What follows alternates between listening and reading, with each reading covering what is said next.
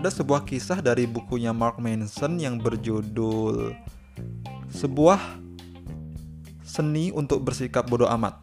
Nah, lu pasti pernah setidaknya ngelihat buku Orange di Gramedia judulnya kayak gitu. Itu pernah menjadi buku bestseller loh di Gramedia. Nomor satu bahkan. Nah di bukunya itu ada sebuah kisah yang cukup menarik Yang gue inget kisah ini ya. Gue coba menyampaikan kisah ini yang seingat gue aja.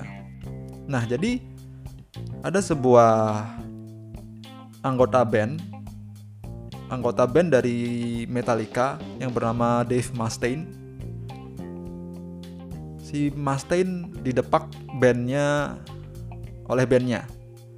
Jadi Metallica mengeluarkan Dave Mustaine dari Metallica hingga membuat Dave Mustaine terpuruk dan jatuh lah.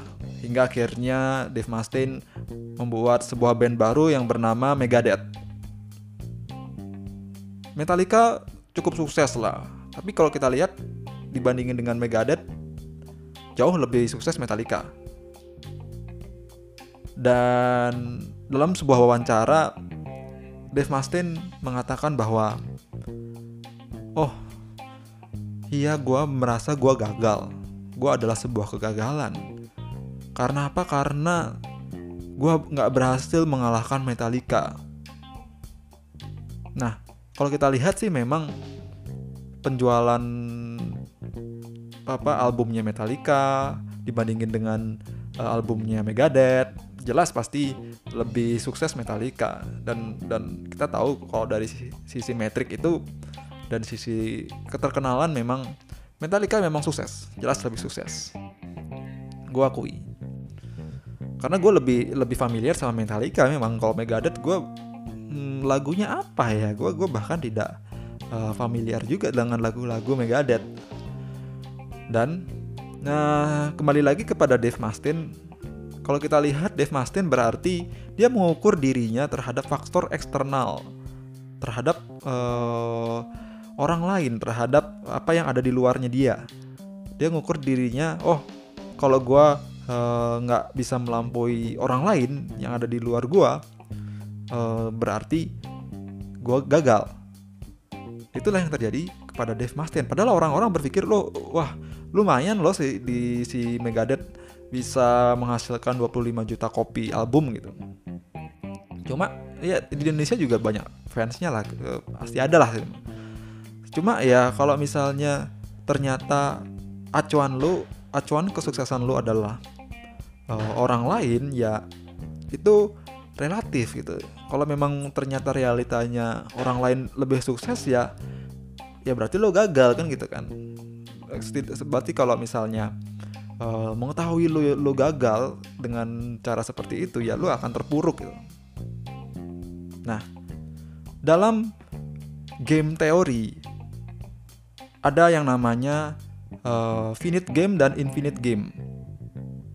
Nah, kalau kita lihat di game teori, game teori ini uh, dicetuskan dulu di awal 1986 oleh James Cars. Jadi dia uh, menyebutkan bahwa ada dua jenis game. Yang pertama yaitu game yang tak terbatas sama game yang terbatas. Yang tak terbatas ini berarti uh, yang terbatas dulu deh. Yang terbatas ini artinya uh, pemainnya diketahui siapa-siapa aja pemainnya, rulesnya fix dan objektifnya, tujuannya, goalnya itu uh, jelas dan disetujui oleh semua pihak. Nah, itu yang terbatas, game yang terbatas. Waktunya juga terbatas. Terus orang-orang yang diketahui ya kan. Oke, sekarang uh, infinite game didefinisikan oleh James Cars bahwa orang-orangnya diketahui dan tidak diketahui. Jadi ada yang kita tahu, ada yang kita tidak tahu. Lalu aturannya bisa berubah Lalu tujuannya, tujuannya ini bukan untuk menang, tetapi tujuannya adalah untuk biar tetap bermain sepanjang waktu, tetap menjalankan gamenya. Balik lagi ke Dave Mustaine. Kalau kita lihat Metallica tetap dia akan move on setelah dia mengeluarkan Dave Mustaine entah apa alasannya ya gue nggak ngambil bagian cerita itu uh, terus dia akan tetap move on menghasilkan karya-karyanya dia agar bisa memuaskan hasrat fan-fansnya terhadap uh, metal musik metal. Sementara itu si Dave Mustaine berpikir bahwa gue harus menang. Yaitu dengan cara gue harus lebih sukses gue harus nomor jadi nomor satu. Nah ini yang bikin sistemnya ngaco gitu kalau misalnya di sepak bola kedua tim tahu bahwa mereka berada di di dalam game yang terbatas.